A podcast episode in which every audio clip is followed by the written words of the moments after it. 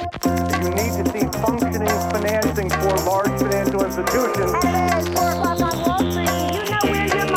Market Series Powell, $41 billion deal. deal.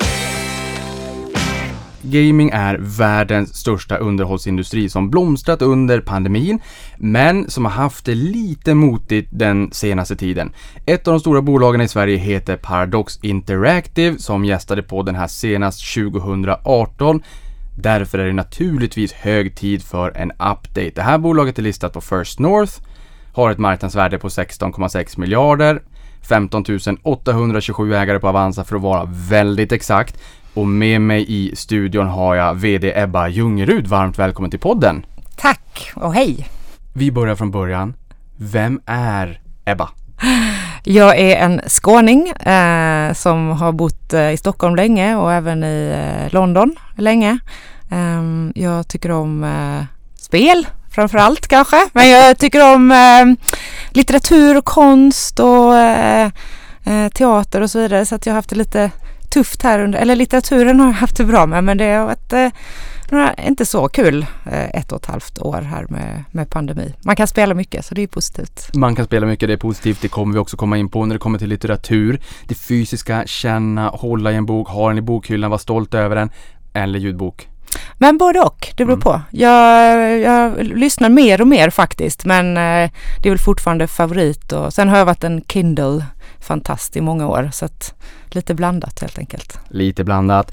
Nu har du ju varit VD för Paradox i tre år och dessförinnan var du ju styrelseledamot mm. i fyra år. Mm. Berätta lite grann om din tid på bolaget och vad du har för vision för framtiden för Paradox. Mm. Eh, ja, men det har ju varit sju fantastiska år får jag säga. Det är en eh, oerhört rolig bransch att vara i här, jag har alltid varit förtjust i att jobba med underhållning och det här blir ju, eh, det här är ju väldigt bred underhållning för många.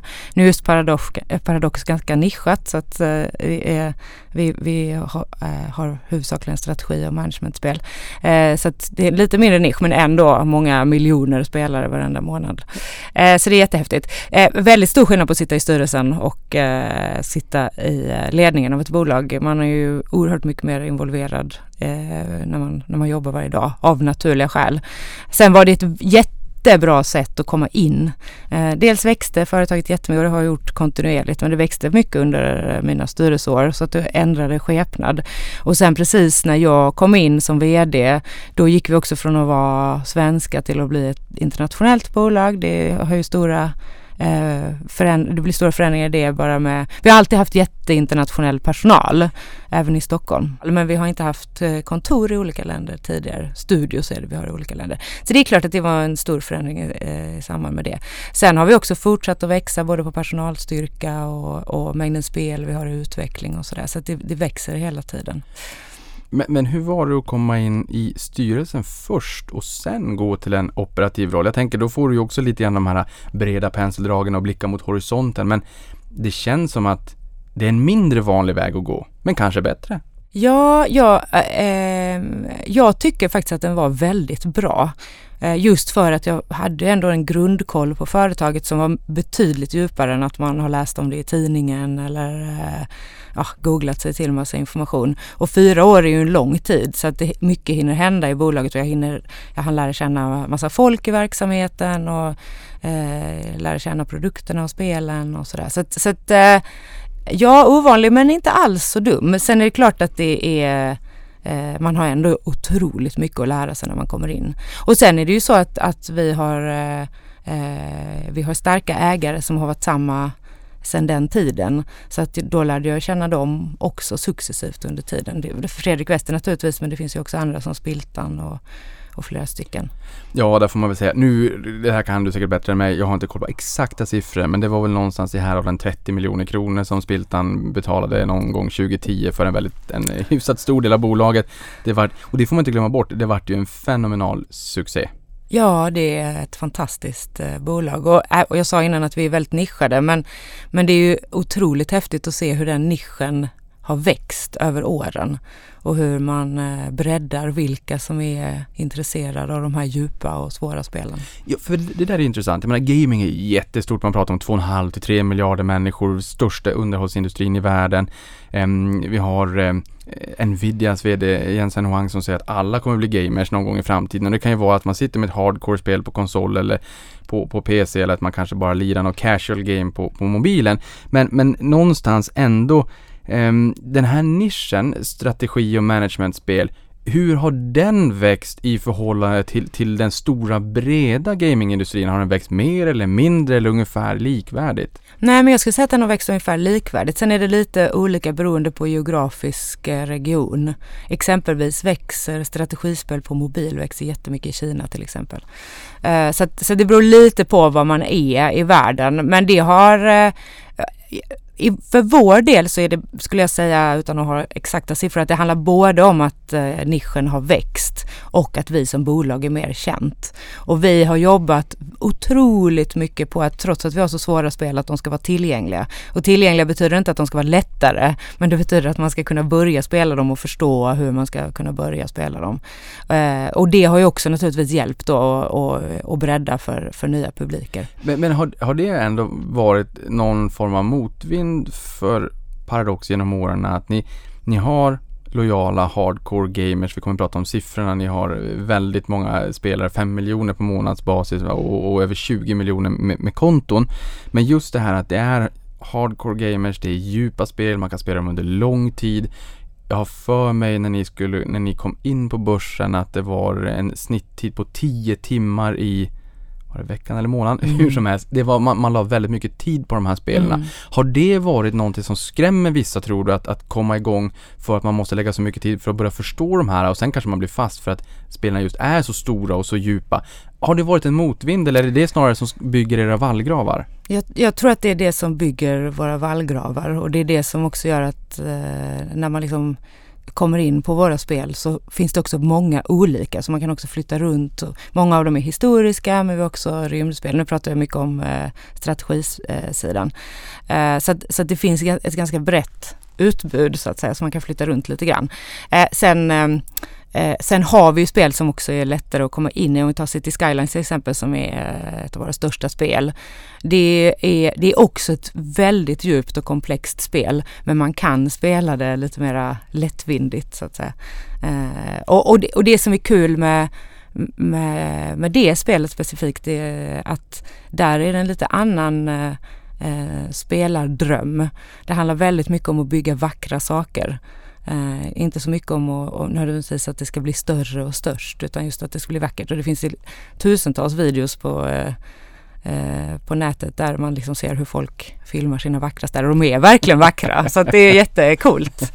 Ja och här vill jag bara skjuta in en kuriosa. Jag vet en gång när vi hade en aktieträff med Andras Vailog, vi kommer ja. prata mer om Andras så sa han också att eh, runt om i vissa delar av världen så använder man City Skyline som stadsplaneringsverktyg absolut. för att bygga riktiga städer. Ja, absolut. Och det gäller också många av våra spel att de används i undervisning och eh, planering och så vidare. Så det, det är också en häftig, häftig del av det. Mm. Senast ni gästade podden var 2018. Fredrik Wester i samband med att Fredrik klev av som VD och antog rollen då som arbetande styrelseordförande. Vad har hänt sedan dess och hur märker man att du har axlat rollen som VD för Paradox? Ja men framförallt har vi ju växt eh, kontinuerligt och, och det vi sätter ju nya liksom, för, eh, vad ska man säga, krav på organisationen och, och, hur man jobbar. Sen har ju pandemin format inte bara oss utan hela världen de här senaste åren. Så att det är klart att det har varit en jättestor påverkande del på företaget även om inte det har någonting med med att vi bytte VD att göra så att säga. Vi har ju verkligen försökt eh, ta hand om vår personal under den här tiden.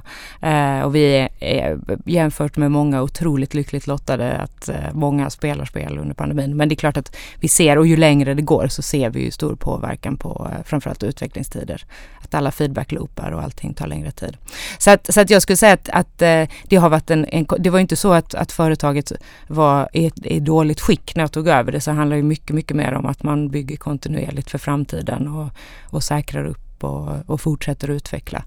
Eh, vi, vår strategi bygger väldigt mycket på långa spel. Vi äger våra egna IPn. Vi bygger spel som le lever under väldigt lång tid. Vi har affärsmodeller som utvecklas eh, över tid där vi släpper eh, nytt content på spelen. Och sen att vi har en portfölj av spel. Så det här har vi eh, fortsatt utveckla under min tid och, och kommer att fortsätta göra framöver också. Och den här portföljen, katalogen av spel, hur, hur stor är den? Ja men vi har eh, tio spel som är live men vi har liksom hundratals produkter på de här spelen. Och sen har vi ett antal projekt i, i utveckling som ligger parallellt. Var, där Victoria 3 då är eh, annonserat att det kommer att komma. Så det, Victoria 3 är en, en fortsättning på en eh, väldigt hardcore, grand strategy säger vi strategispel, men det är mycket management i det här. Det är mycket hantera populationer och, eh, och ekonomi och sådana saker. För Victoria 3, eh, jag noterade att ni pratade om det i senaste rapporten också. Berätta lite mer om det här spelet. Vad är det för något för de som inte har hört talas om det här? Ja men det är ett eh, spel som utspelar sig under den viktorianska eran. Eh, och eh, som i alla våra spel så väljer man själv lite grann vad man vill göra. Eh, det är inte så att man, man det finns ingen linjär eh, eh, vad heter det, historia som man ska följa utan det är ett, eh, ett öppen världsspel som man väljer själv. Eh, I det här fallet handlar det då väldigt mycket om eh, att, att, hantera sina populationer och hantera politik, eh, väldigt mycket kultur. Eh, jag, jag, hörde någon som, det var en kommentar när vi hade vår eh, rapport om att Alex, vår CFO, han gick igenom lite olika grafer och då var det någon kommentar där det stod att jag hoppas att Victoria innehåller lika mycket grafer och spreadsheets som, som vi hade där. Så det är en, en typ av spelare som gärna har Excel med sig när de spelar kan man säga. ja, hur, hur historiskt bevandrad behöver man vara för att till fullo ta till sig era spel? För att förstå liksom det, det, det, spelen speglar de här historiska skeendena som ändå är en stor del av spelen. Ja, när vi bygger spelen behöver vi ha väldigt bra koll själva. Men egentligen behöver man som spelare inte ha så bra koll. Det är inte så att man kan spela hur man vill så att säga. Så att det är inte så att det finns några begränsningar på det sättet. Tvärtom är det ju väldigt många som har lärt sig historia genom spelen. Jag kommer ihåg en, en av de första PDX-kon, det är vår eh, eh, fangathering som vi försöker ha varje år beroende på pandemier och liknande. Men en av de första jag var på, då träffade jag en mamma. Hon var där med sin son, han var 14 eller 15 och fick då inte komma själv. Eh, så mamma var där. Och, för han är så historiskt intresserad och det kommer bara då av att han har spelat Europa Universalis i det här fallet. Okay. Sen han var liksom jätteliten. Så det är ju också coolt att även om eh, våra spelare, man har nog ofta en bild av att våra spelare är betydligt äldre men det finns många ungdomar som spelar också. Ja, för hur ser typ, typkunden ut? Alltså typspelaren, paradoxspelaren. Nu är det ju ganska många till antalet där ute, men har ni, har ni någon känsla för hur, hur typspelaren mm, ser ut? Absolut. Det, igen så beror det lite på vad det är för typ av spel. Eh, något äldre än snittspelaren, alltså kanske snarare över 20 än under 20. Eh, i, I strategispelsfallen är det fler killar än tjejer. Men jag skulle säga att i management är det lite mer eh, 50-50. Eh, och sen är den geografiska spridningen är också stor. Vi är jättestora i eh, eh, inte minst USA och Västeuropa. Asien växer. Eh, så att, så att den, den, det växer mer och mer. Vi, Afrika och Mellanöstern och Sydamerika är väl fortfarande lite vita fläckar. Men det finns också jättestora fanforum i eh, Sydamerika till exempel på spanska och sådär. Så, att, så att det, det, finns lite överallt. Jag vet inte vad du blir mest smickrad av om man kallar det för nörd eller eh, nörd, nörd eller geek. Jag vet att du har sagt själv att du är en nörd när jag tittar på klipp på Youtube. Ehm, och kvinna, därför blir jag ju väldigt nyfiken när du säger att det är en tilt på män eh, i de där spelen. Vad är, vad liksom vad ska man göra, tror du, för att kunna locka in fler kvinnor också? För jag menar, det är ju en jättepotential att locka in kvinnor i, i spel också. King har ju gjort det här jättebra. Eh, har du någon spaning där vad som krävs? Så är liksom eran nisch det som skulle kunna locka dem? Ja, det märks. Eh, Crusader Kings 3 då som vi släppte förra hösten, där ser man att eh, det är fler tjejer än tidigare som spelar.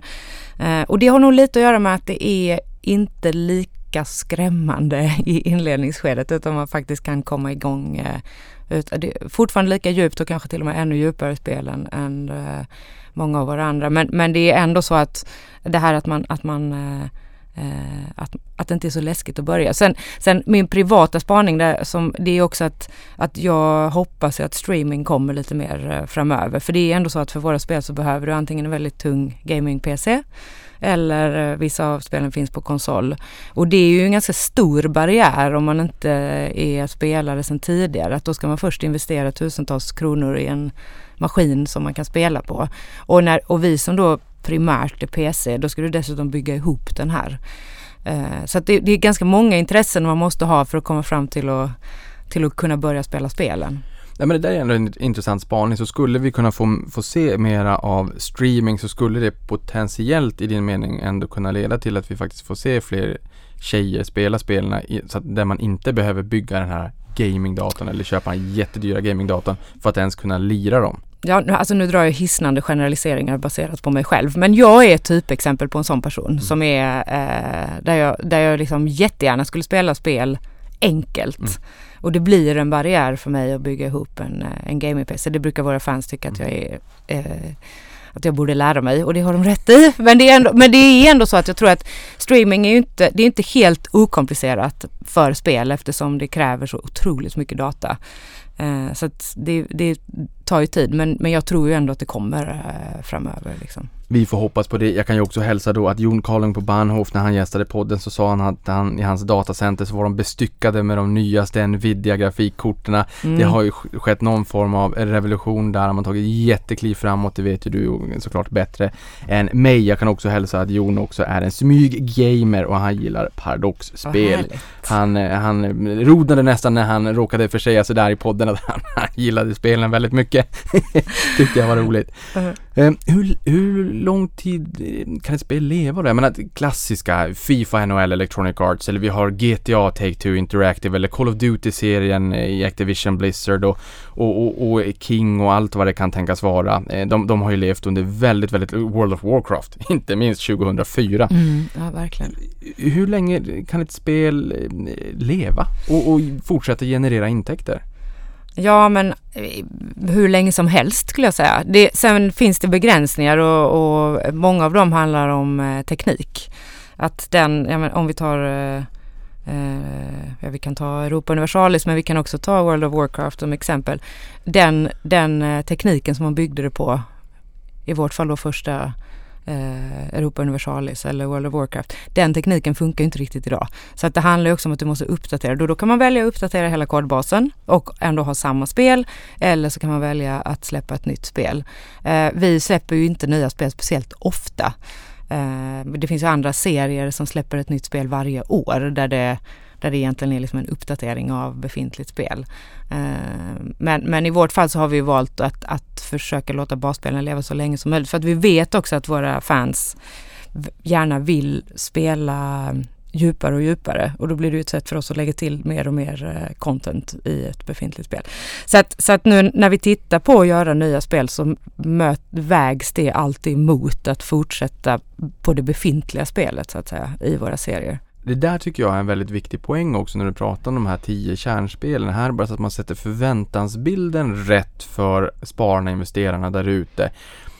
Hur ska man tänka kring Paradox? Uppenbarligen ska man ju inte tänka det som ett bolag som kommer att lansera en herrans massa nya spel på löpande band hela tiden. Och förmodligen skulle kanske era lojala fans också bli besvikna, kanske till och med förbaskade. Det är ju många gamers som har man har mycket åsikter och man tycker mycket, vilket är bra. Det, är liksom, det visar ju ändå på ett engagemang och en, en lojalitet att man gillar spelen.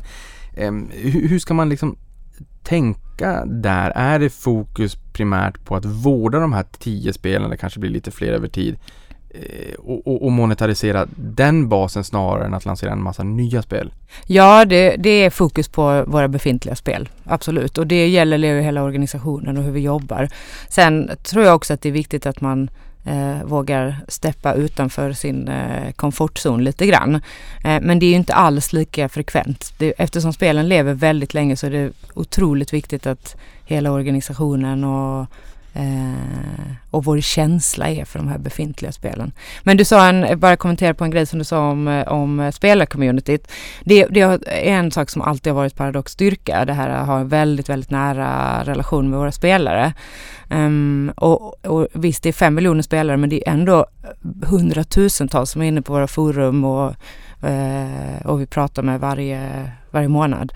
Uh, och det, det ja, jättemycket åsikter och kan ibland vara ganska stränga i sin feedback. Men det är ändå en fantastisk ynnest faktiskt att ha det för att, att få den typen av direkt eh, feedback eh, och direkt och också väldigt mycket konstruktivt, inte bara så här Ibland kan det vara väldigt hårda ord men det är också ofta väldigt mycket baserat på om ni skulle göra så här så skulle det här hända. Och vi har också någonting som tror jag också förlänger spelens livslängd jättemycket och det är mycket moddning och moddning är så att man gör en, ett tillägg i koden som blir en ny spelfunktion kan man säga. Ibland är det kosmetiskt och ibland är det, det kan till och med vara djupare eh, gameplay, saker som förändras i det.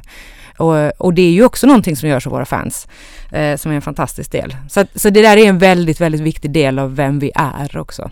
Så att de hardcore fans som spelar det här, de gör moddningarna själv, de vidare kan vidareutveckla spelet på sätt och vis att säga utan att ni absolut, gör det. Mm. Absolut, och det är ju ganska, alltså jag har till och med gjort en mod som blev väldigt ful men äh, ändå. Så det är också, man behöver inte vara liksom expert, expert. Mm.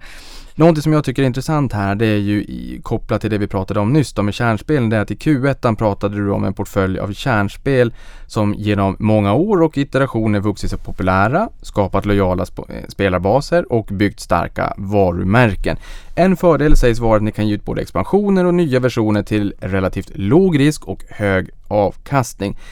Eh, de här spelen utgör dessutom en övervägande majoritet av er spelaraktivitet, intäkter och vinster. Spelen är Europa Universalis, Crusader Kings, Stellaris, Hearts of Iron och City Skylines. Vi har varit in på det här lite grann, men hur ser ni på balansen mellan risk och reward genom att utveckla helt nya spel? Ni har skrotat en del spel tidigare. Vi kommer att komma in och diskutera det här. Det är skillnad på er och andra gamingbolag ute på börsen. Ni bygger, växer organiskt, bygger era spel från scratch.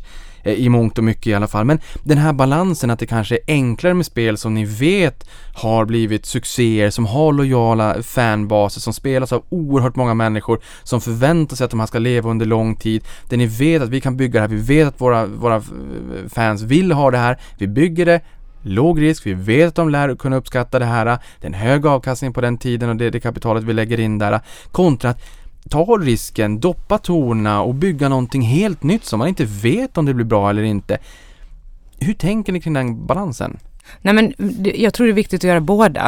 Eh, sen är det, det, det, det, får inte bli, den ena får inte bli på bekostnad av den andra. Och det måste vara så att eh, basen och core, eh, som vi kallar det för, Eh, är viktigast. Men det betyder inte att man inte kan eh, eh, testa nya saker. Nästan alla stora hopp vi har gjort i storleksordning, det, det har funnits ett mått av att man har gjort någonting nytt. Sällan att det första spelet eh, är det som, som gör hoppet. Men att man liksom bygger kunskap inom någonting nytt över tid. Och ett, ett jättebra exempel är City Skylines. Där vi hade Cities in Motion 1 och Cities in Motion 2 och sen kom City Skylines. Inte identiska spel på något vis men att det finns liksom en, en, en väg framåt där. Och det andra är ehm, eh, skulle jag säga, Surviving Mars är också ett sånt exempel där det är ett spel som började eh, som en, en, en city builder fast mer eh, utmaningar, survival-spel i, i, i Marsmiljön där vi också har byggt över många år över tid. Eh, som ett jättefint och bra spel med massvis med spelare fortfarande och kommer att leva länge till. Eh, så att, så att då, och bara säga att nej men vi har bara de här fem spelen och de ska det alltid vara. Det tror jag inte är en hållbar väg framåt. Men det, det betyder inte att det, är de, att det inte är de som är kärnan. Nej men jag menar, det, mm. det, finns ju olika trender inom gamingvärlden. En som kanske har varit free to play och vi har sett PubG, de har kommit in på börsen. Det var ett ganska svalt mottagande och å andra sidan Kina har rört upp lite tjänster, vi kommer komma in på det. Sen har vi Fortnite som har lockat väldigt många och vi har Electronic Arts också som Apex Legends som har tagit fram Call of Duty finns det mm. ju ett, en variant också av. Eh, och det, där man eh, lutar sig mot in-game purchases så att man fortsätter handla i spelen. Mm ni har ju inte riktigt lutat er mot den modellen. Och det kanske inte är rätt för er, men hur ser du på den trenden och hur fortsätter ni monetarisera era lojala fans som fortsätter spela eh, över tid, löpande hela tiden? Är det liksom DLC och expansioner eller finns det andra sätt att fortsätta monetarisera den här kärnbasen av spel? Mm, vi tror det är väldigt viktigt att utvecklas och testa och pröva och du, du kom, vi pratade om våra fans tidigare. De är ju ibland ganska skeptiska till nya test på betalningsmetoder men, men vi gör faktiskt ganska mycket.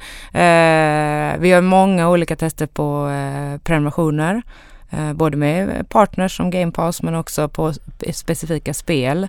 Det tycker jag är en intressant, vi pratade innan om eh, hur kommer man in i ett spel, ett spel som har funnits sedan 2012 och har expansioner eh, hund, inte hundratals kanske, men uppemot hundra expansioner eh, och dessutom då till en ganska hög kostnad. Det blir ju nästan övermäktigt för en ny spelare hur tar man sig in i det.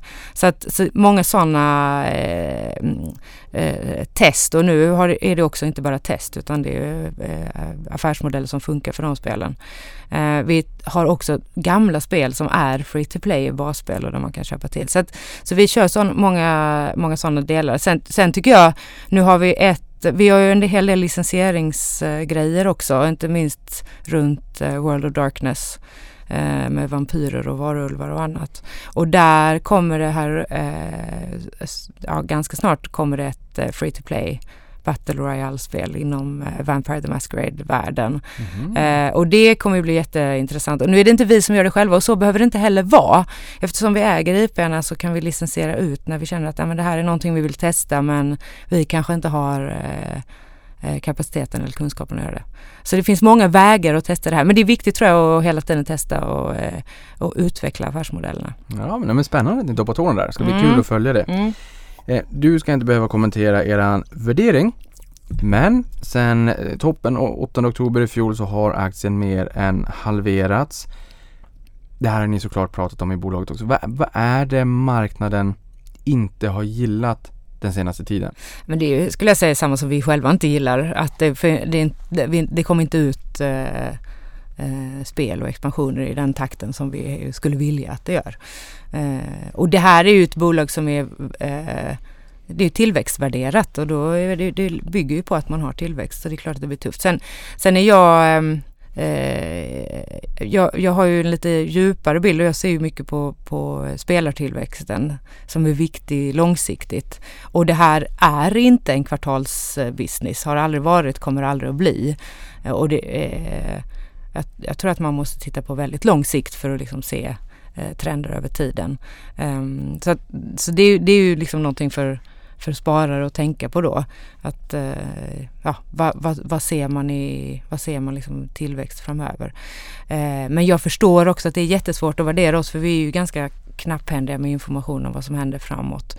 Och anledningen att vi är det, det är inte för att vi tycker att det är extra kul att vara hemlighetsfulla, utan det handlar mycket om att det är stor osäkerhet i spelutveckling. Det är det även eh, under de bästa av förutsättningar. Med förseningar och också många spel som läggs ner. Eh, och det kan, uppfattas ju inte minst utanför kanske vår bransch som ett misslyckande när man lägger ner någonting. Men i vår bransch skulle jag säga att det snarare är en förutsättning. För att om man inte vågar testa saker och vågar börja saker för, eh, och sen lägga ner det som inte funkar, då kommer man också missa väldigt många av de bra grejerna. Så att säga. Ja, för ni hade ju på eran stream på Twitch här senast så eh, kommenterade er CFO att ni lägger ner spel under tre av årets fyra kvartal i vanliga fall. Mm, mm. Det här är ju en fråga som har diskuterats på marknaden den senaste tiden då med, med att ni skrotade spel. Vi kommer komma in mer på det här men både i Q2 och i Q1. Men när man lyssnar på det eh, och i åtanke då ha med sig att ni inte har eh, på samma sätt byggt en förvärvsdriven resa framåt utan bygger från scratch. Hur pass vanligt är det här som en delkomponent i er affärsmodell? Hur ska man tänka kring, kring nedskrivningar? Se, ska man se det som ett misslyckande eller är det liksom everyday business? Nej, jag tror det skulle vara väldigt dumt att se det som ett misslyckande. Eh, tricket är såklart att lägga ner saker så tidigt som möjligt så det kostar så lite som möjligt.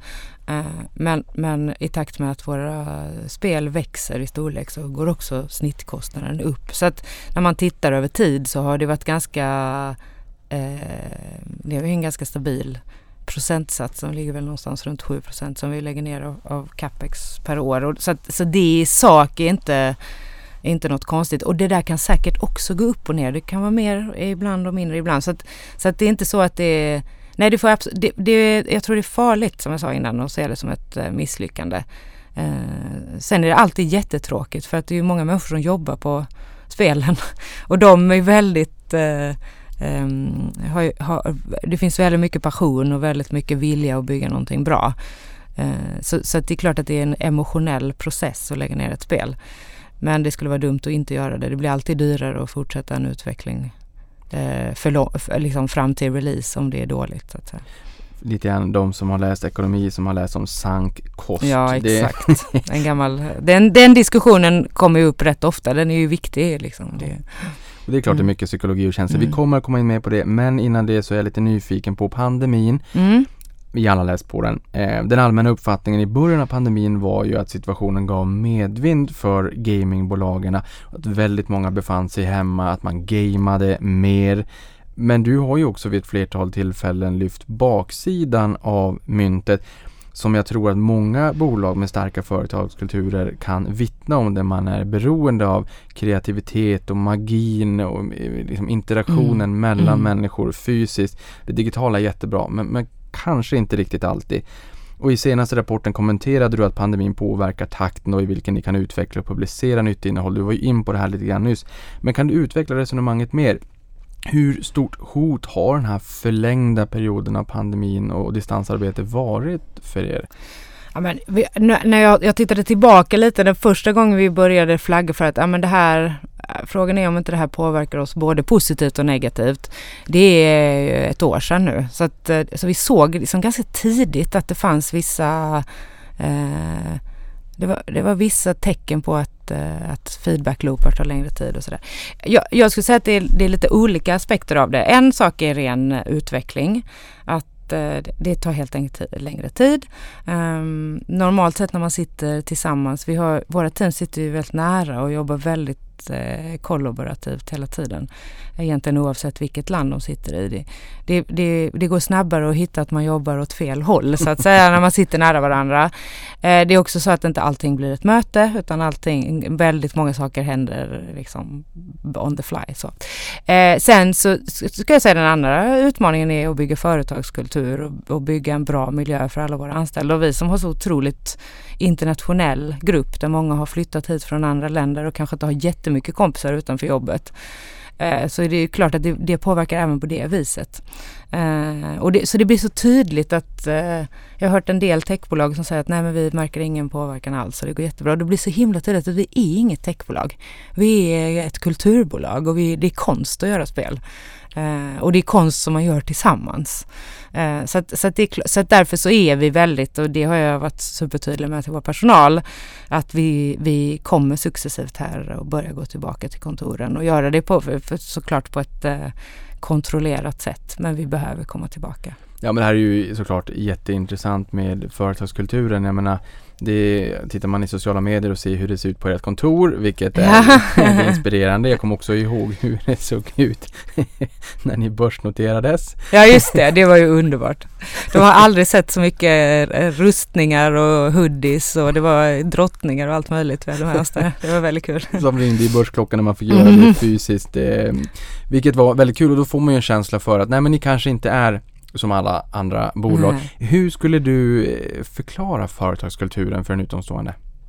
Ja men den är väldigt nördig. Eh, och vad, vad, menar man med nördig då? hos oss betyder det eh, ett hög nivå av sakkunskapsintresse på nästan vad som helst. Det, det är ju ofta na naturligtvis relaterat till spelen men, men det kan också vara, vi har en kille som är otroligt intresserad av dinosaurier så han kör lunch and learn om dinosaurier med jämna mellan. Och de är nu, det är ju en kul grej med pandemin att eftersom allting är digitalt så har vi öppnat upp mycket sådana grejer. Så de kan vem som helst lyssna på, det måste man inte vara på, eh, på bolaget för att göra. Eh, så det, det, är inte bara negativa saker. Men, men och, det, och det handlar också om en, en inkluderande nördighet och det tycker jag man märker otroligt mycket i vårt spelarcommunity. Att om du kommer in som ny, trots att det då kan kännas ganska övermäktigt att börja spela en del av de här spelen. Om du kommer in som ny och skriver på forumet, hej jag är ny, hjälp.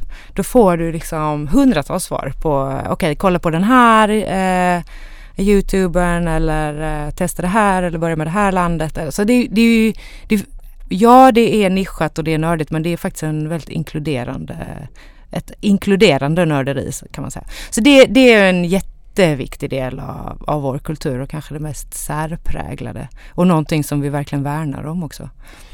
Skulle du säga att ni är en utpräglad eh, potentiell vinnare när man går tillbaka till kontoret?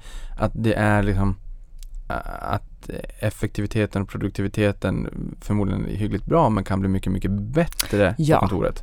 det tror jag. Absolut. Och det är också så här, vi har ju liksom, det är inte så att vi har ju ett, ett gäng spel och expansioner och sådär under utveckling. Eh, så att det handlar ju också om att få ut dem genom dörren så att säga. Så att eh, det är inte så att vi kommer att börja från noll den dagen vi går tillbaka till kontoret. men, Vilket men, också är viktigt naturligtvis. Ja, men kan, kan du berätta lite grann om hur det går till från ax till limpa? Från det att man kommer på en idé till att man börjar nysta i ett nytt spel tills dess att man sitter där och väntar och hoppas på att det, det här nya spelet som släpps kommer tas emot positivt av mm. gamers och kritiker. Mm. Hur, hur, hur, går det till? Mm. Ja men en idé kan Eh, alltså jag ska inte säga att den kan komma från var som helst men den kan komma från väldigt olika ställen. Det som är viktigt är att det i studion som ska bygga det här spelet finns en tydlig vision och passion för det man ska bygga. Så om vi tar, eh, det finns en jätte, om man är intresserad av det här faktiskt idégenerering så finns det en jättebra ehm, session från PDX-con som finns på Youtube. Som, där våra game directors pratar om hur de liksom jobbar väldigt tidigt i utvecklingen av eh, ett spel som är superintressant kan man hitta om man googlar pdxcon eh, Game Directors. Eh, I alla fall, då, då ehm, eh, men då börjar man egentligen med att okej okay, vad är spelet? Är, om, det är en, eh, om det är en fortsättning så är det ju vad är det som är Eh, kan man prata om, okej okay, det ska vara 30% som är samma som tidigare eller 33, 33 som är förbättringar och 33% som är nytt. Okej, okay, vad är vad i den eh, mixen? Men och är det ett helt nytt spel då handlar det ju om att definiera upp hur ska det se ut, vad ska det vara, allting. Eh, och sen så har vi en ganska mallad process, men med, på pappret i alla fall, men den blir rätt olika beroende per spel. Där man går igenom massa olika keygates. Den första är bara, ska vi ens en gång börja bygga det? Ehm, och då har det oftast redan byggts någonting, någon liten eh, playable. Eh, och sen är det, alla de här termerna är såklart på engelska så det blir mycket svengelska nu men det är proof of concept och det är vertical slice och det är alfa och det är beta. Så det är liksom många steg och man ska igenom längs vägen. Och någonstans börjar man ju då antingen se att nej men det här kommer inte att funka, det blir ingenting. Ja, då får man lägga ner. Eller så får man säga att hm, det här är för komplext, vi måste hitta en eh, annan väg framåt. Då får man omformulera lite grann. Det här, allt det här vill man helst att det ska hända innan vertical slice. Um, och sen eh, alfa kallas det för när det, då säger man att nu ska det vara feature complete. Då ska man veta vad som ska finnas i spelet. Och sen handlar det om att bygga mer innehåll och sen då eh, bestämmer man att ah, men nu är det klart, nu kan vi släppa det. Och det är ju otroligt kul och läskigt att släppa spel. eh, en, en, en stor mix. Eh, och, och, det, och jag menar det vet ju alla som följer oss att eh, ibland blir det bra och ibland blir det dåligt och så är det lite generellt kan man väl säga. Det, det släpps på Steam bara släpps det någonstans 8000 drygt spel per år. Så att det är ju otrolig konkurrens genom att nå ut och, och, det kan ju finnas, det finns ju fantastiska spel på Steam som inte kommer någonstans liksom. Så det är, det är ganska tuff eh, miljö att, att, ta sig ut i. Men, men vad är det som gör att ett spel lyckas då? Vad är det som gör att man, man står ut i den här konkurrensen om 8000 nya spel per år? Ja men det måste vara kul. Det är det som är grunden. Är det kul? Och sen, sen är det massa andra såklart. Det får inte vara för buggigt och det får inte vara eh, massa andra saker. Men det, liksom, det är ändå kärnan. Finns den här roliga magin i spelet? Det är det som är kärnan. För, för det där är också en fråga som jag fick med från eh, mitt Twitterflöde här eh, med nya spel och när det är buggar och så här. Jag menar, det är klart att det är ju positivt att ni har den här lo lojala fanbasen. Men mm. även här, myntet har två sidor. De är ju väldigt, de förväntar de sig väldigt tydliga. mycket av er. så att, och här är en fråga, vad, hur gör man för att säkerställa att ett spel inte är buggigt? Det kanske man aldrig kan eliminera helt och hållet. Nej, men alla man... spel är buggiga när de, det, eller det är väldigt svårt att, det, de är så stora spelen också. De, de växer ju hela tiden. Men, men det, det är väldigt rigorösa eh, processer för det här sen är en, en ganska stor del som man inte alltid tänker på, det är att det handlar ju också om vad förväntar sig folk när det kommer ut. Förväntar man sig X och får Y, ja men då kanske man ändå blir besviken även om Y var jättefint. Så det, det är liksom en del av det. Och sen är det ju, har man liksom hållit visionen, håller det ihop, finns själva core loop kallas det för, det själva liksom grundsnurren i spelet. Eh, och sen absolut att det ska, ska funka att spela. Eh, sen, en, en sak som är när vi släpper content nu på ett spel som har funnits i många, många år. Det är otroligt eh, svårt att testa det. För det är så många versioner och det finns så många DLCer sedan tidigare och har man den DLCn men inte den DLCn hur... Eh, så att, så det, det, är mer komplext än vad man tror och, och jag tycker att våra eh, avdelningar som jobbar med just med det här med testning, de gör ett fantastiskt jobb. Um, eh, men det är, alltså vi jobbar hela tiden med det här och försöker hela tiden eh, få det mer och mer eh, eh mer och mer skickliga på att liksom hitta rätt saker och, och, fokusera på under hela utvecklingsprocessen. Det här är ju ingenting man fixar liksom sista veckan utan det här är löpande arbete under hela processen. Men en investerare som ser att eh, ni inte släpper nya spel utan att ni släpper DLC mm. och expansioner och sådär. Mm. Hur ska man tänka kring det där då? För, för jag tolkar det som att man inte alls behöver se det som tråkigt på något sätt utan ni har kärnspelen och jag menar, jag lutar mig till det ni, vi pratade om tidigare som ni sa i Q1 också att det är lägre risk och väldigt hög lönsamhet mm. ändå på att bygga mm. expansioner och, och, och DLC. Då borde man ju nästan tycka att det är ganska bra. Ja, ja men det, det, är klart att det är en balans men, men nej det är inte så att det är någon eh, katastrof för oss att inte släppa nya spel. Och sen så, och det har vi också ändrat lite synen på faktiskt för att vi har ju också sett eh, under åren hur de befintliga spelen fortsätter att växa. Eh, vilket gör att vi blir mer och mer eh, sugna på att fortsätta utveckla våra befintliga spel och kanske egentligen ha färre eh, nya spel som kommer ut över tid. Eh, sen ibland måste man, eller måste man, vill man göra nya spel ändå, inte minst om man vill bredda sin genre lite grann. Men det, så det är en balans, så det är inte riktigt så som man kan säga att nej, det kommer inga nya spel, då var det dåligt. men, men vad betyder det för intäkter och tillväxt tänker jag, när, om det är så att man fokuserar mer på kärnspelen som man har. Eh, kan man ändå växa hyggligt snabbt genom att eh, enkom fokusera på de kärnspelen man har? Ja det kan man göra men man måste ändå få ut content. Mm. så tricket är ändå, för, för det är ju så att en stor del är ju som ett litet spel. Uh, så att, så att det, är, det är ju ändå så att man måste ändå få ut content. För det är det som driver. Sen gör vi massa saker runt omkring som också driver engagemang och, och alltså till exempel musik är ju en enormt stor del av våra spel och det, vi gör många roliga samarbeten runt musik. Uh, så, att, så man kan göra annat sånt också uh, och events etc. etc. Men, men det är ändå så att vi vill ju absolut löpande få ut content på spelen, även våra befintliga spel. Men ni är ju nischade. Mm. Um, vilken konkurrent där ute tycker du är mest lik Paradox? Mm, bra fråga. Jag, alltså Ja, det finns ju många bolag som jag tycker är fantastiskt. Sega tycker jag är jätteduktiga. Jag tycker det finns delar inom Take-Two som är fantastiskt. Alltså Take-Two är ett fantastiskt bolag men som är relevanta för oss med, med Firaxis till exempel och sådär. Så att det finns en del som vi tittar på. Eh, sen kan man också säga att det som är coolt med den här branschen är att den är ganska liten och alla känner alla så det är väldigt hjälpsamt också. Så att jag skulle väl kanske inte säga att vi ser varandra så mycket som konkurrent. Frontier är ju också en som ofta nämns i samband med oss. Utan det, det finns en väldigt kollegial eh, stämning mellan bolagen. Man, det är klart att man konkurrerar om folks tid men det är ju ändå så att våra spel är så olika så det är inte, det är inte rakt av konkurrens så att säga. Nej, intressant. Mm. Vi pratade här tidigare om eh, vad som kan tänkas hända när man går tillbaka till kontoret och att det blir en, en skjuts, en hävstång, att det börjar bubbla med inspiration. Men å andra sidan, återigen det här myntet. Det man har pratat lite grann om på marknaden det är ju oron för vad som händer när man börjar öppna upp samhället igen. Kommer folk lägga mindre pengar på spel? Kommer folk lägga mindre tid på spelarna? Är det någonting som ni oroar er över? Alltså, eh, eh, vi har inte sett någon, det är ju ändå så att många länder har öppnat upp och gått tillbaka och vi såg ju också till exempel förra sommaren att, eh, att det öppnade upp och sådär. Så att vi har inte sett någon, någon stor tillbakagång utan snarare att vi fortsätter växa våra baser. Sen, det kommer säkert att fluktuera över tid men, men vi ser ingen jätteoro att det kommer att, att mattas av massor. I samband med Q2 som ni släppte här nyligen så kunde man läsa att intäkterna minskade 13% eh, year on year och resultatet per aktie minskade 42,4% year on year.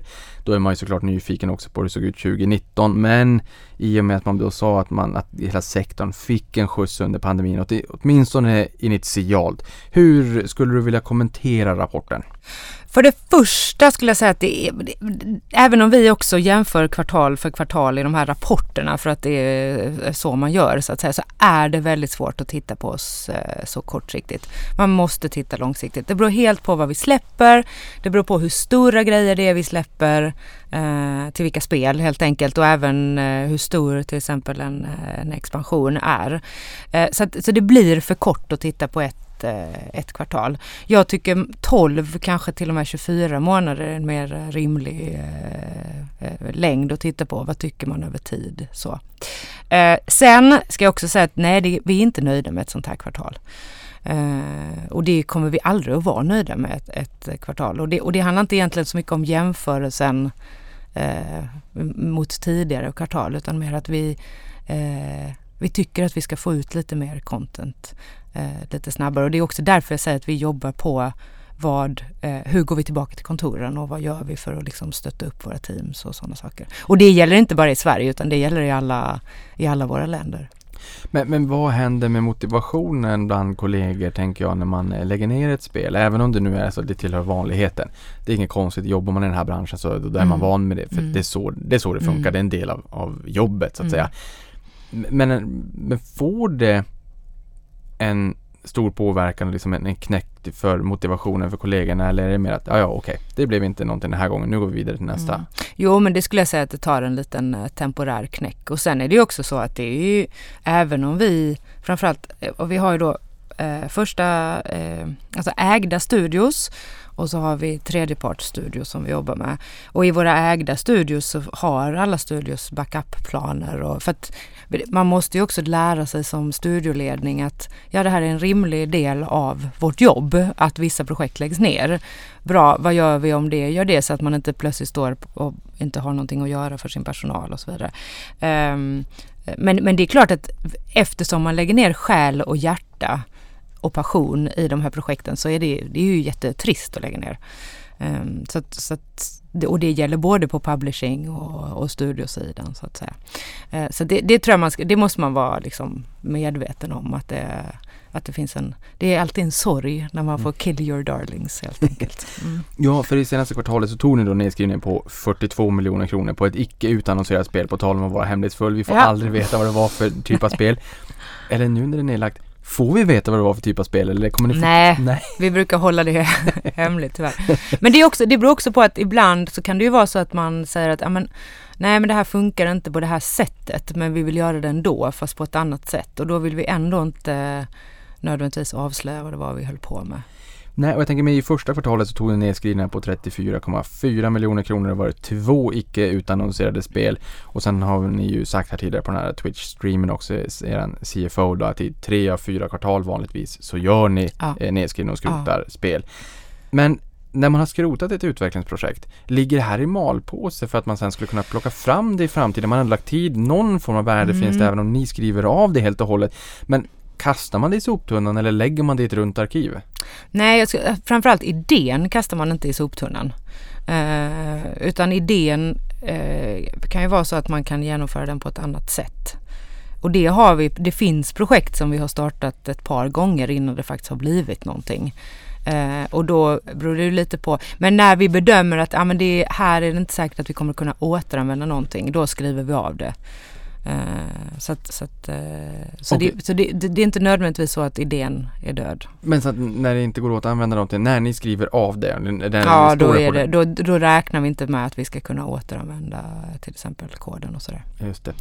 Just det här med gamingindustrin har ju blivit väldigt stor senaste åren, inte minst på, på Stockholmsbörsen, eller inte bara Stockholmsbörsen, ni, ni är ju på, på First North, på, jag tänker i Sverige så att mm. säga. Mm. Så har det här blivit en väldigt intressant industri som har lockat väldigt många investerare och jag vet 2016 pre-IPO när Fredrik Wester också gästade podden Prata pengar så pratade vi om det här. Vad är en rimlig utvärderingsperiod? Och du är ju in på det här också 12 till 24 månader. Och Nu senast så lanserade ni fyra expansioner, Stellaris, Europa Universalis 4, Prison Architect och jag vet att Fredrik sa 24 månader. Eh, och du är in på det nu också. Och då eh, tänker jag mig att det här är en en viktig tumregel att ha med sig. Ja, det jag menar förra året så tror jag också att det var expansioner och något år kanske det var samma kvartal för no några år sedan kanske det var nya spel. Mm. Det blir helt icke jämförbara Mm, kvartal. Hur ska man utvärdera på bästa sätt tycker du för att inte luras av det här year on year som bl- blir lite skevt ibland?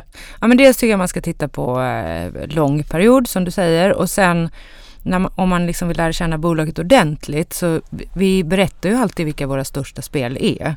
Och man ser ju också när det kommer expansioner och saker på våra största spel. Så det kan ju också ge en fingervisning om liksom, var ligger vi i, i faser och, så, och, sådana saker.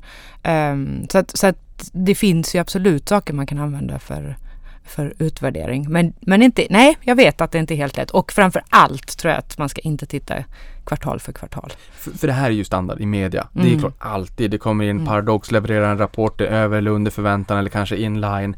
Eh, och då jämför man year on year siffror och i det här fallet så blir det ju inte Mm. rättvisande. Eh, för att det inte så en industri fungerar. Ehm, Nej, sen tycker jag att många av analytikerna har ju blivit eh, du- duktiga på det här och tar, tar mycket eh, input. Men det är klart att det är, det är ändå svårt. Vad tycker du är viktigast att titta på för att eh, försöka bilda sig en uppfattning om ert långsiktiga värdeskapande utöver möjligtvis intäkter, marginaler och vinster? Vad, fin- vad finns det för andra faktorer? Vad tittar du själv på mycket? Ja, men jag tittar mycket på spelen och tillväxten i spelen på spelare. Uh, inte nödvändigtvis pengarna lika, alltså det är klart jag tittar på pengarna också, men, det, men jag tittar mycket på hur ser det som spelar uh, uppförandet ut på ett spel och hur utvecklas det över tid. Uh, För det är ändå det som bygger någonstans för framtiden. Och det här med de här, våra, att vi har en sån stor spelarbas, de här 20 miljoner spelarna, som ju för övrigt har växt, den har ju växt väldigt mycket det senaste året. Det, anledningen att det är viktigt och bra är att nästan all vår försäljning sker via partners.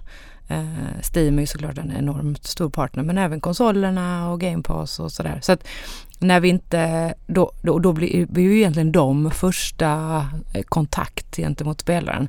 Eh, Men vi vill ju ha en egen kontakt så det är därför det här är viktigt och det är ju också det vi kan använda för att kommunicera direkt med, med spelarna då. Och hur, hur gör ni då för att stärka eh, lojaliteten? Jag menar ni har 5 miljoner spelare varje månad. Ni har som du sa där 20 miljoner PDX-konton. Det här har växt från 18 miljoner i Q1. Grattis! Tack! Va, va, vad gör man för att ändå ha en relation med spelarna? Liksom att lyssna till communityn, att interagera, att känna som att liksom det blir någon form av sparringpartner mellan Paradox och alla gamers, den communityn där ute. Mm. Ja, alltså vårt, jag jag skulle säga att vårt bästa verktyg för det här är ändå vårt forum. Eh, och det handlar också, det, för där blir det också att det inte bara är vi som pratar med enskilda individer utan det blir liksom en diskussion bland spelare om olika saker. Och det, som jag sa innan det här om man, är, om man kommer in som ny och skriver något på forumet så får man otroligt mycket hjälp. Ehm, så att, så att det, är en, det, är, det är väl kanske nästan vår kärna i, i det här. Sen använder vi alla sociala medier som finns eh, också. Och vi har eh, det är helt frivilligt men vi har liksom inga regler om att någon på företaget inte får lov att prata på sociala medier eller inte får engagera sig på forumet. Så våra game directors är ute mycket på forumen och, och pratar med folk och kollar och inte minst kollar vad folk skriver. Och sen har vi också mer, vad ska man säga, analytiska verktyg för att titta på det här. Till exempel eh, eh, om vi släpper någonting då, då tittar vi på vad är liksom kommentarerna och det behöver inte bara vara hos oss utan det kan även vara på Steam eller andra eh, Reddit och andra kanaler. Vad säger folk, vad gillar man, vad gillar man inte, var ligger det någonstans? Så, att, så det finns också mera eh, analytiska verktyg som vi använder för det helt enkelt. Eh, men eh, själva grundtricket är ju att någon måste höra av sig på något sätt och vi måste se det. Så att, eh, ja, men jag skulle ändå säga att forumen är kanske det absolut största eh, källan till information och kommunikation. Men 5 miljoner månatliga spelare, hundratusentals människor på forumen, 20 miljoner konton har växt hyggligt den senaste tiden får man ju säga. Vad innebär det för intäkter och eh, resultat, vinst över tid? Alltså hur, starkt sammankopplade är de? Ja men de är, de är sammankopplade över tid. Sen har inte jag en exakt procent att det leder till eh, Eh, X. Eh, men, men vi ser ju det att, att eh, vår tillväxt över tid har att göra med att vi ökar mängden individer som spelar helt enkelt. Och, och, och, att man bygger lojalitet över tid är ju också bra. Och att man bygger folk som spelar under lång period är också bra. Men de eh, gamers som ni har där ute, lägger man mer eller mindre tid på att spela era spel nu jämfört med när ni kom, eh, kom in på börsen? Jag menar, redan då pratade om att man la väldigt mycket Mm. tid på era spel. Eh, förvånansvärt nog inte, för det hade man ju kunnat tro att när man breddar eh, basen av spelare så, så minskar snitttiden. Men den håller sig faktiskt ganska konstant. Sen är inte den samma på alla spel. Eh, igen skiftar den rätt så mycket beroende på vilket spel det är.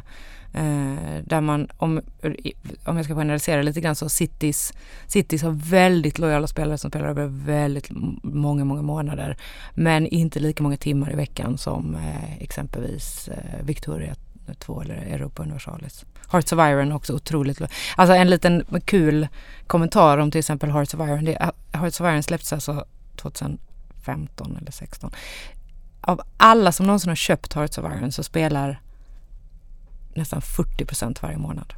Herregud. Mm, så det är ju liksom en enorm eh, lojalitet i den eh, basen. Ja, och den här lojaliteten, jag, Mm. jag kan tänka mig att alla de här mm, 20 miljoner människorna med PDX-konton eller 5 miljoner månatliga spelare är ju inte aktieägare i Paradox. Nej. Inte alla. Eh, aktieägarförmåner Mm, är någonting just. som är väldigt spännande. Det är inte jättemånga bolag som, som eh, sysslar med det och det tycker jag är tråkigt för det är lite Ja, det är en trevligt. väldigt kul eh, grej. Det är kul idé. Mm. Ja, och där tänker jag mig någonstans, jag menar, det är klart, är det bara ett kontorslandskap, eh, då kan man komma kanske och få träffa bolaget och lyssna på siffror, men det blir inte samma grej. Mm. Har man någonting att visa upp, Kalle chokladfabriken, det blir kul på något sätt, Mm. det har ju ni absolut. Mm. Jag vet innan ni kom in på börsen så fick man några eh, spel faktiskt när man eh, blev aktieägare i bolaget. Ni kanske skulle kunna ha en moddning där man spelar emot andra aktieägare, vad vet jag? Mm. Skulle Ja men det är jättekul. Väldigt rolig idé. Mm. det är någonting som jag Mm. tycker att För det är ju ändå så att trots att inte alla de här 20 miljonerna är aktieägare så vet vi att väldigt många av våra aktieägare är också eh, spelare. Det finns, en, det finns helt klart en korrelation. Det kan tänka mig att det kommer in ett och annat mail i IR-lådan också från aktieägare och gamers som har mycket funderingar. Vad är det som i störst utsträckning driver intäktstillväxt och lönsamhet i, över tid? Att släppa ut nytt material till alla våra spelare. Vi har ju för en stund sedan pratat det här om eran nisch, där det är liksom strategi och managementspel. Tror du att vi kommer få se en breddning framgent utanför kärnområdena för att attrahera nya spelare eller kommer ni att hålla er relativt fokuserade på ert kärnområde och det ni är bäst på? Hur ser, hur ser den balansen ut? Eh, väldigt viktig balans och väldigt viktigt att eh, huvuddelen av fokuset går på kärnan. Eh, men eh, som jag nämnde lite grann innan, det, det är också så att när vi har tagit stora hopp eh, som bolag betraktat så har det också varit för att vi har breddat vår kärna lite grann. Så att det kommer vi att fortsätta göra. Sen vill man ju verkligen hitta en balans i det, både vad det gäller risk eh, och vad det gäller eh, eh, fokus från, från oss på bolaget. Men, men absolut, Bloodlines är ett sådant exempel som det, är- det är en annan genre. Och det ligger fortfarande under utveckling. När jag var, ja, jag var hemma i Boden, jag hittade det här gamla Är du från Boden? Ja, Det är jag med. är du? Ja, det kan man Nej. inte tro. Jo. Nej. Och jag bodde bara där till jag var fyra. Jaha. Mm. ja, nu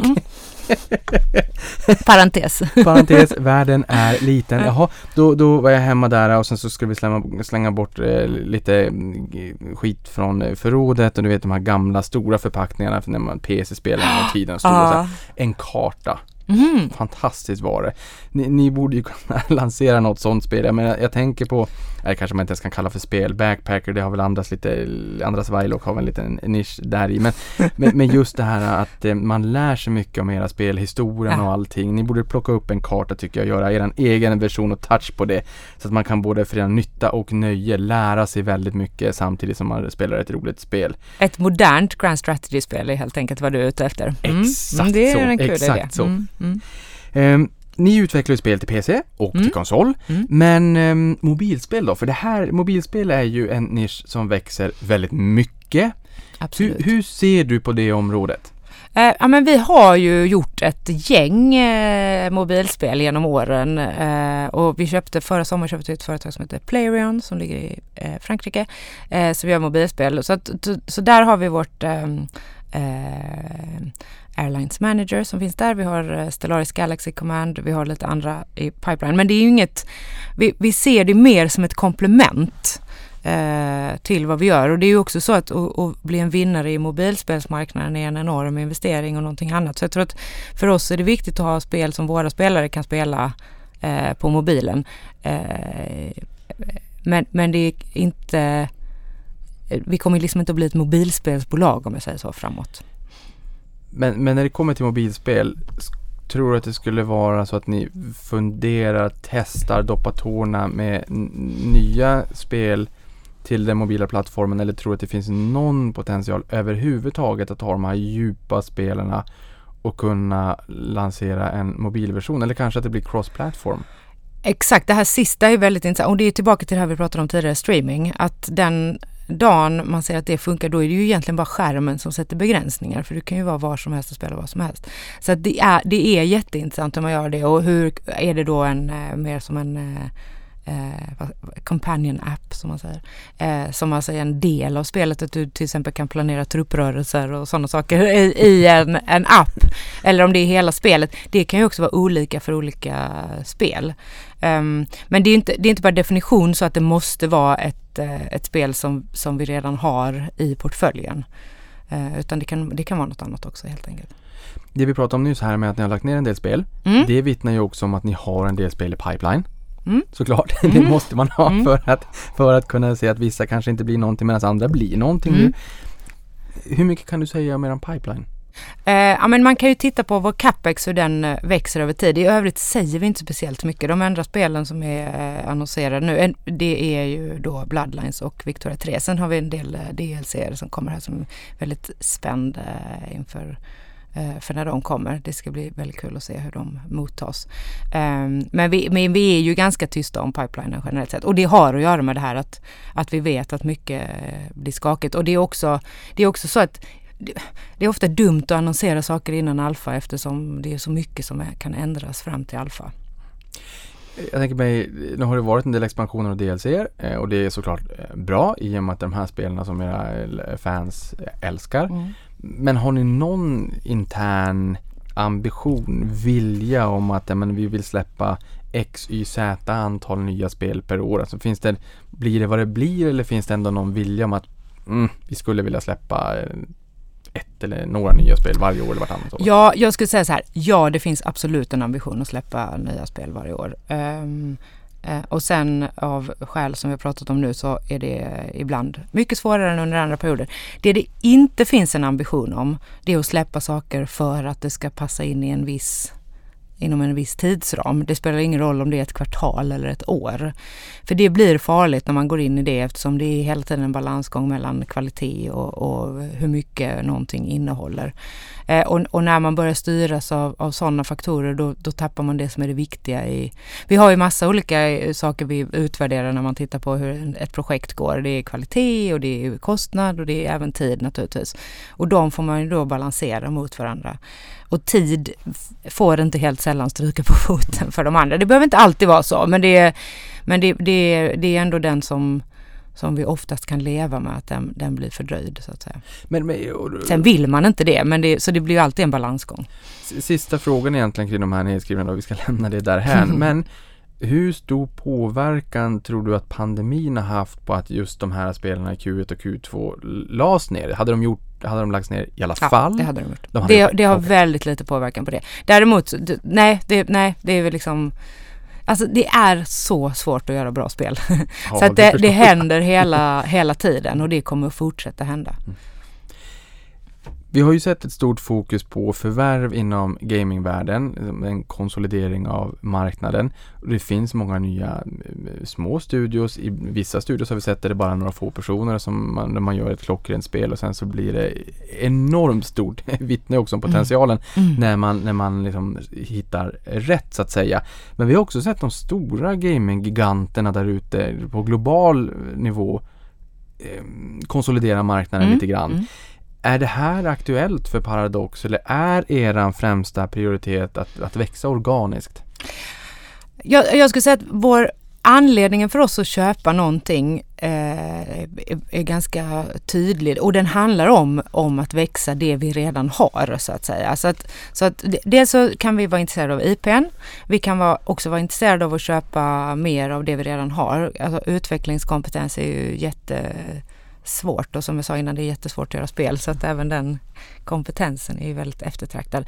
Och sen kan det också ibland vara absolut intressant att titta på saker där vi har Eh, där det är liksom nära vad vi kan men lite utanför. Vi gjorde två förvärv förra, åren som förra året som är, där Iceflake är en studio i Finland som bygger Surviving the Aftermath som är väldigt mycket ett managementspel som vi gör eh, och väldigt mycket det vi har hållit på med länge så att säga. Jätteduktig studio. Och där Playrion är mer exemplet på det senare då att det är en, eh, eh, en studio som, det är nära vad vi gör för det är ett djupt eh, managementspel men det är också vår mobilen som är lite utanför vår, vår baskunskap. Så, att, så det finns, men vi är ju inget ehm, eh, Eh, Eh, så, så det är den typen av förvärv vi gör kan man säga. Men sen tycker jag det är alltså en bieffekt av att det har varit så himla mycket förvärv i marknaden och också att det var så värdeskapande som man kanske inte alltid tänker på. Det är det här att det har också genererat otroligt många nya studios. För att när, om du har några personer som är ägare, då får man loss lite pengar, då kanske man ger sig iväg, vågar ge sig iväg och starta något eget nytt. Eh, så att om man, alltså bara om man tittar i, i Sverige så har antalet studios eh, dubblerats här på senare år och, och, det är ju jättehäftigt för det, det genererar kreativitet och det genererar intresse. Så att, så att den, den, eh, det, det, finns ju en aspekt som är liksom värdegenerering på en aktiemarknad men det finns också verkligen den här kreativa genereringen som jag är väldigt förtjust i också. Ja, och jag kan tänka mig att det där också gör att det bubblar lite mer i hela branschen, mm, att det mm, blir synergieffekter och sånt. Mm. Men, mm. men det här tänker jag, även om det då, okej, okay, det är organisk tillväxt som kanske har varit det primära spåret, men man blir ju ändå lite nyfiken då. Alltså hur, hur fragmenterad är eran nisch på global basis? Hur mycket bolag finns det att välja på, eller IPn finns det att välja på där ute om, jag menar uppenbarligen så sker det ju förvärv, två mm, i fjol, men det är ju mm. inte så att det aldrig sker. Nej, nej. Men, men, finns det lika många IPn eller bolag att välja på där ute i eran smala nisch som vad det finns i, i liksom den stora eh, breda gamingmarknaden? Nej men alltså det blir ju naturligtvis så att tittar man på hela marknaden så finns det fler än om man tittar på en del av ja. marknaden. så, att, så inte lika många men det finns ju absolut eh, intressanta bolag, det finns det verkligen. Mm. Och många som är, men, och det är ju också en säljares marknad i dagsläget så att det är klart att det är eh, eller har åtminstone varit under en lång ja. period. Så det är klart att det är, det är ju höga priser så att det får man ju också värdera vad man, eh, hur, man hur, hur, man värderar en eh, eh men, men har, det var, har, det varit så pass höga priser i säljarens marknad att den liksom lägger nästan en våt filt över eh, tillväxtplaner? Att, att ni tycker att eh, det hade varit roligt men alltså, det är lite för mycket säljarens marknad. Nej men det blir ju också en, en, en balans mellan okej okay, vi har de här, vi har den här påsen pengar. Vi har ju också bara faktiskt använt våra egengenererade pengar. Eh, vi har den här påsen pengar, vill vi investera den i våra befintliga spel och vår befintliga utveckling eller vill vi köpa någonting nytt? Och i många fall väljer vi att investera det i, i, i det vi har själva så att säga. Så, så återigen eh, expansionerna och DLCerna där, där det var eh, låg risk och hög avkastning? Ja, och även mm. nya spel kan det ju vara också. Mm. Microsoft aviserade ju för en tid sedan att de sänkte sin intäktsdelning från 3070 då ner till 1288 påverkar det här er i någon större omfattning? Jag menar, jag antar Steam har vi ju pratat om, mm. de är ju stora såklart. Mm.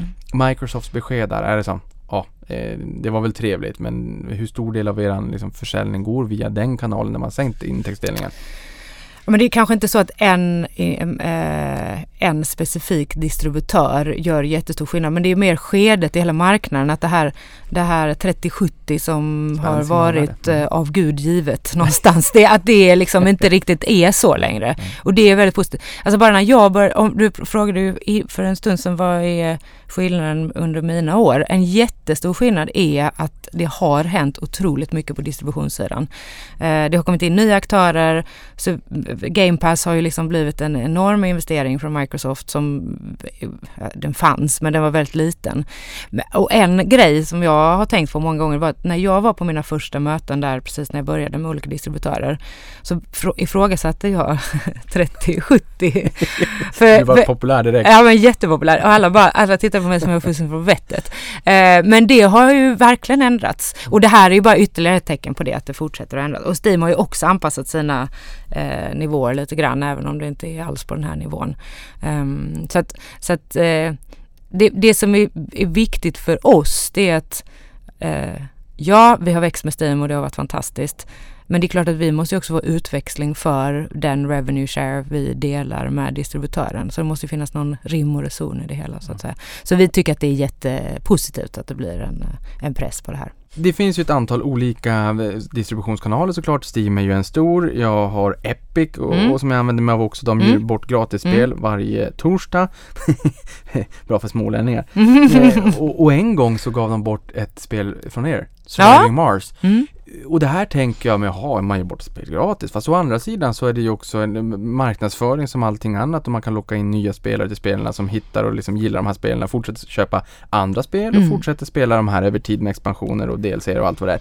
Hur viktigt är det för er med den här um, olika reor eh, som Steam och alla andra kör genom åren och även liksom när man ger bort spel ibland för att locka nya Eh, gamers? Mm. Ja, men det är lite olika syften. Eh, dels så är det ju absolut att eh, exponera till nya spelare, eh, det vill säga marknadsföring. Men det är också det här som vi var inne på innan med nya affärsmodeller och free to play. Hur funkar det?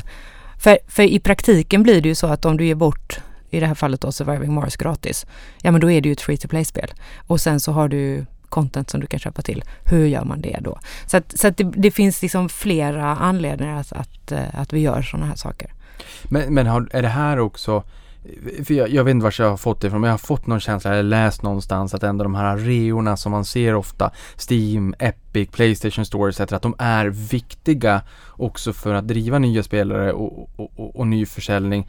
Hur pass viktiga är de för er för att, få in nya spelare? Jag menar eh, som vi sa här, ni har växt från 18 till 20 miljoner från Q1 vilket är väldigt imponerande såklart. Eh, och så kan man tänka, jaha men rea, det, då, då, blir det sämre marginaler och sådär. Men, men det behöver ju inte riktigt vara så. Nej, och det är också en del av eh, ett affärscase från, från dag ett. För du har rätt i att reorna är viktiga. Eh, och de är både, det kan både vara viktigt på ett basspel men oftast tar det lite längre tid när man rear ut ett nytt spel. Eh, men framförallt kan det vara det här som vi pratade om innan att om, om du tittar på ett spel som har kanske funnits i 6-7 år och det finns en hel katalog av expansioner. Kostar det 300 dollar då, ja men det blir rätt övermäktigt. Och kan du då köpa en stor del eller liksom eh, alltihop jättereat, ja men då är det en jättebra möjlighet. Eh, och, och det är en möjlighet och sen så har vi det här med att man kan prenumerera på alla DLC. Så alltså, det finns, det finns många olika sätt. Eh, men, men vi vet ju också en, eh, Steam har en funktion som är wishlist, det vill säga att man lägger på sin eh, önskelista vad det är man tänker att man ska köpa någon gång. Och där ser vi att det, om, om, vi kollar på hur många har spel X på sin wishlist så ser vi att de de människorna på ett äldre spel konverterar när det är rea. De konverterar inte en vanlig torsdag så att säga. Eh, så, att, så att det finns absolut en sån, eh, en sån effekt av det. Så jätteviktigt med reorna. Ja, men det mm. där är ju jätteintressant mm. ändå att kunna se vad folk har på sina wishlist för mm. det är ju mm. någonstans framtida intäkter. Mm. Liksom en, en, en, ja, ni har väl förmodligen bra koll ändå vad era gamers vill ha såklart. I Q1 skrev ni att den kinesiska marknaden successivt ökat i betydelse för er och att den nu är den näst största marknaden efter USA vad gäller försäljning. Hur har ni påverkats av den dramatik som vi har sett i Kina den senaste tiden och Dessutom Tencent äger ju 5% av er via TCH Scarlet Limited. De äger ju kanske 5% av alla där mm. Så det kanske inte behöver vara liksom netto negativt. Men, men hur har ni påverkats av stöket i Kina och Eh, med att ha Tencent som ägare. jag ska bara kommentera just i Q1, det var i Q1 som det var andra största marknaden och det, då var det också den här Lunar Sale som är på temat en rabatt, en rea som var för kinesiska nyåret ah. som eh, var väldigt stor. Jo men det är en viktig marknad för oss och det är en växande marknad för oss och det finns ett väldigt stort intresse för vår typ av spel i Kina. Eh, så det är det. Men sen om man tittar storleksmässigt så är det, det kommer liksom en, en bra bit efter Västeuropa och ehm, eh, och USA ändå. Men, men eh, vi, vi vet att det finns ett stort intresse. Sen är, sen är våra spel eh, generellt sett inte tillåtna i Kina så att man får liksom köpa dem från utanför Kina. Och det har att göra med vad de handlar om helt enkelt. Att det är mycket historiskt Eh, eh, korrekta, eh, ur ett västerländskt perspektiv i alla fall, korrekta saker i spelen och eh, man väljer sitt statsskick och eh, sådana saker. Så, att, så det är liksom, det är ur det perspektivet. Men, men visst, det finns, det finns många kinesiska spelare och det finns jätte jättestora forum i Kina för våra spel som, så vi vet att det, att det finns stort intresse. Ja, för, för här är det liksom eh, tudelat, tvådelat den här frågan såklart. Dels investerarkollektivet att det kanske har blivit en liten våtfilt över gamingmarknaden. Lite högre riskpremier i, i, kortsiktigt i alla fall och det här kommer gå. Det är inte första gången vi ser att ehm, eh, Kina eh, skrämmer marknaden mm. lite grann. Mm. Men sen har vi ju spelarna i, i Kina också. Det är ju där efterfrågan, det är de som ändå skapar, eh, skapar värden och kassaflöden och allt vad det är. Eh, här, man får alltså inte spela era spel överhuvudtaget? Jo, man, men man, kan, man får köpa dem utanför Kina. Det finns en, en ganska lång process för att få spel godkända inom Kina för att ligga på de kinesiska plattformarna. Och ah, våra spel, det är faktiskt bara cities som finns inne i Kina. De andra spelen ligger utanför Kina så att säga. Så risken att eh, liksom, man täpper till det här och, och portar er från Kina är inte överhängande så som om ni hade haft alla spelarna på de kinesiska plattformarna. Äh, det, men den finns ju alltid. Mm. Liksom. Det, och därför är det viktigt för oss att inte tillväxten bara sker i Kina utan att det finns liksom en global tillväxt. Eh, så att för, för, att säkra upp den risken. Samtidigt så, så eftersom det finns ett stort intresse så, så vill vi vara där. Däremot så, så är vi ju ganska vi, vi har valt att vara ganska noga med att vi vill vara historiskt korrekta spel.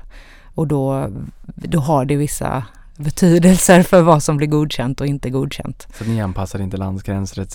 för för den. Nej, det, det försöker vi undvika att göra. Mm.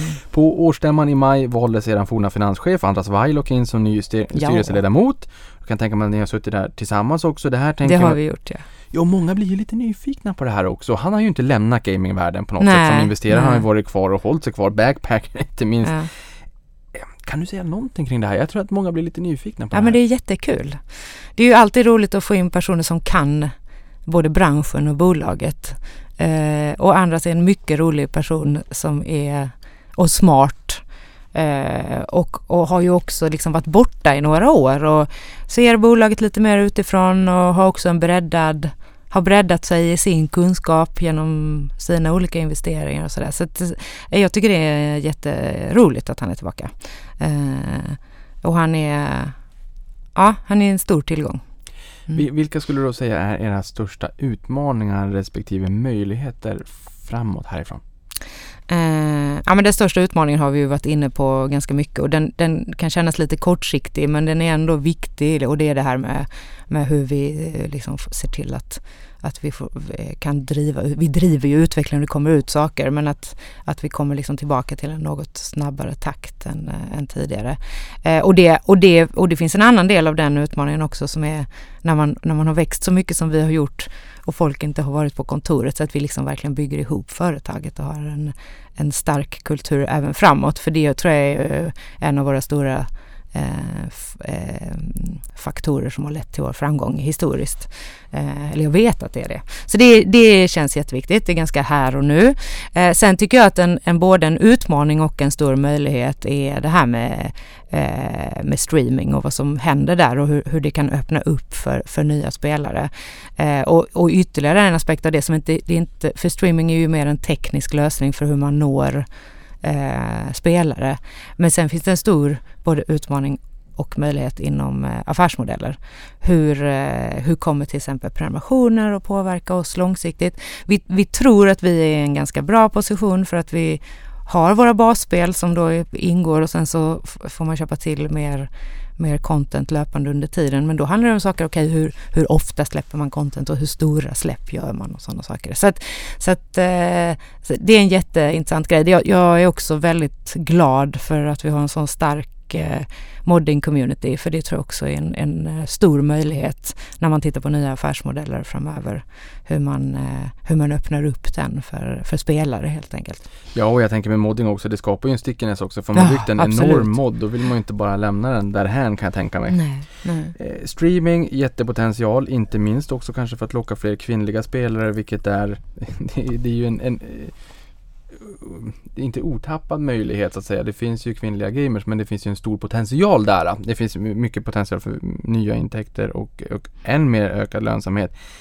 Förutom det, hur tror du, finns det andra trender som är spännande i marknaden? 5G, eh, virtual reality eh, Mm. etc. Alltså 5G är ju kan man säga nästan en förutsättning för stream, att streamingen ska funka. Så den, den klumpar jag nästan ihop där. Det är, det är väldigt intressant.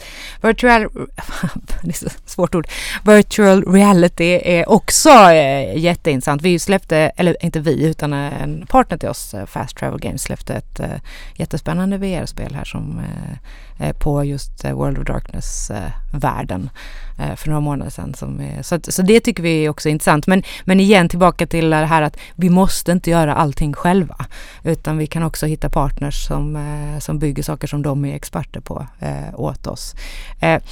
Det är ju komplexa världar men jag kan själv se att det skulle vara supercoolt att gå omkring i city i en mask. Så att det finns ju absolut möjligheter eh, där. Eller gå omkring på ett krigsfält i Europa Universalis eh, etc. Inte riktigt där ännu men det så att, så att eh, det, det handlar egentligen mer om, om vi, när vi pratar om våra huvudnischer, så här, djupa strategispel och managementspel. Vilka typer av eh, eh, ja, skärmar egentligen då ska man, är, är bäst för att spela de här spelen. Det är mycket menyer. När vi faktiskt, när vi lanserade Cities på konsol, så, eller förlåt, inte Cities, när vi lanserade Stellaris på konsol, då var det en, eh, en stor, ett stort frågetecken. Hur kommer det att funka med alla de här menyerna och alla, alla delar av det? Men eh, det har ju funkat väldigt bra, så att det är kul. Netflix har ju aviserat att de kommer ge sig in i gamingsektorn. De har liksom ändå på, kanske platåat lite grann, en 209-210 miljoner eh, prenumeranter, subscribers och nu eh, mattas kanske tillväxten lite grann. De vill kanske ge sig in på någonting nytt. De har ändå, eh, Reed Hastings har pratat om gamingsektorn och gamingsatsningen nu i senaste rapporten. Är det här någonting som man som investerare i Paradox behöver vara orolig för? Eller är det här eh, ett faktum som gör att man kan känna sig ganska nöjd över era djupa vallgravar, djupa spel och nördiga community om man så säger, som kan hålla den här konkurrensen lite mer stången. Hur tänker du kring det här? Jag tror man ska skilja på affärsmodell och eh, access. Eh, så streaming är ju egentligen hur får du tag i spelet och sen kan du lägga vilken affärsmodell som helst ovanpå det egentligen. Och vice versa. Det, så det ena förutsätter inte nödvändigtvis det andra. Eh, sen är ju vi partner ju upp med de här stora eh, eh, bolagen på många olika sätt. Så att eftersom vi inte i så stor utsträckning sköter vår egen distribution så blir det ju intressant för oss när det kommer in en ny aktör. Och sen får man se, det har ju varit ganska många inne på streamingmarknaden vad det gäller spel de senaste åren. Eh, och det, det, det är ju inte helt trivialt att få det att fungera på ett bra sätt. Eh, så att, eh, om, man, om vi tar till exempel, eh, eh, vi har ju Stadia och vi har ett, ett antal andra exempel som, som eh, ja, det tar längre tid än vad folk kanske initialt trodde i alla fall. Ja, för, för det här, jag har inte riktigt helt koll på, på Stadia där, med, mer än att det kanske var lite tuffare än vad Google trodde från första början. Har du någon spaning där? Hur, vad, i din mening, vart befinner vi oss inom streaming? Måste vi liksom vänta på 5G och den här Jag tror det. Ja. Jag tror det. Jag, jag, är inte, jag ska inte utge mig för att vara teknikexpert. Men det är ju ändå så att även om data är billigt idag så är det sån enorma mängder data eftersom ett spel renderar hela tiden löpande. Det är ju inte, det är inte så att man laddar ner det en gång och sen har man det liksom, utan det ändrar sig hela tiden. Så det, det är där, eller ja, där ligger en stor utmaning. Eh, och, sen, och sen är det också så att vissa av de här eh, cloud gaming då, eh, företagen, de kräver rätt stora ombyggnader av spelen. Och det kan också bli en, eh, en utmaning i att okej, okay, då får, måste man värdera, okej, okay, ska vi bygga för för den här plattformen också. Och det, så är det ju också att det, det är, varje plattform som tillkommer innebär ökad komplexitet i, i allting egentligen. Så att då måste vi också den plattformen ha en, en möjlig framtid. För, för, för, där tänker jag mig att det borde leda till effektivitetsvinster. Och, om, och jag, jag är verkligen ingen teknisk expert, men om det skulle finnas en sån möjlighet till, till cross-platform, att man kan liksom utveckla på ett sätt som funkar på alla plattformar. Ja, det vore fantastiskt. Då skulle alla spelbolag jula. Nej men det, det är ganska komplext faktiskt för att det är många olika SKUs som vi kallar det för, för olika, i princip alla butiker och alla plattformar och sådär. Så att eh, hade det gått att utveckla en till alla så hade det varit underbart. Men vi är inte riktigt där ännu. Nej, och, och, det kan man väl också kanske dra sig till minnes att Netflix tar ju redan en stor del av världens internetkapacitet. Det märkte vi inte minst när pandemin slog till och det var eh, många runt om på sina håll i världen som hade krav på Netflix att faktiskt mm. sänka mm. kvaliteten på, på, um, på filmerna mm. och på serierna etc. Mm. Inte minst Europa för att rädda internet. Men vilka är de vanligaste frågorna från investerarkollektivet då? Eh, ja, vilka är de vanligaste? Eh, mycket om vad som ligger i, om vi kan berätta mer om vad som ligger i pipeline och hur man ska se på, nu har det ju varit många frågor om hur man ska tänka runt eh, nedlagda spel och, och, och sådana saker. Men sen också många eh, frågor runt M&A och, och, och, också ganska mycket om branschen. Man märker att det är ändå en ny bransch ur ett investerarperspektiv. Att det är många som är, är nyfikna på hur är vi i relation till andra och vad särskiljer oss. Inte bara då ur, ur vilken typ av spel utan också hur vi är som bolag. Har du något av spelarna som är en favorit? Av våra egna spel. Mm. Ja, men jag, jag skiftar runt rätt mycket faktiskt. Eh, det, det jag återkommer till, ja men jag återkommer mycket till cities. Mm. Men jag spelade i, i höstas när CK3 kom ut så spelade jag det jättemycket. Nu har jag faktiskt spelat Victoria lite grann och, eh, och det är alltid kul att spela det så här tidigt för att det, då är det ju kan man säga lite buggar här och där. Men det är ändå rätt roligt att, att, att ha tillgång till det tidigare. Så, att, så ganska brett ändå. Mm. Ebba, sista frågan. Vart tror du att eh, Paradox befinner sig om fem år? Jag tror att vi finner, befinner oss i, eh, i samma nischer som vi är idag, lite breddat och framförallt att vi har fortsatt växa. Spännande. Tusen tack för att du kom till podden. Det har varit oerhört intressant att uppdatera sig mer kring Paradox, kring vad som händer just nu, hur vi ska tänka på bolaget, vägen framåt. Tusen tack för att du kom och gästade podden. Tack så hemskt mycket. Och stort tack för att du lyssnade på det här.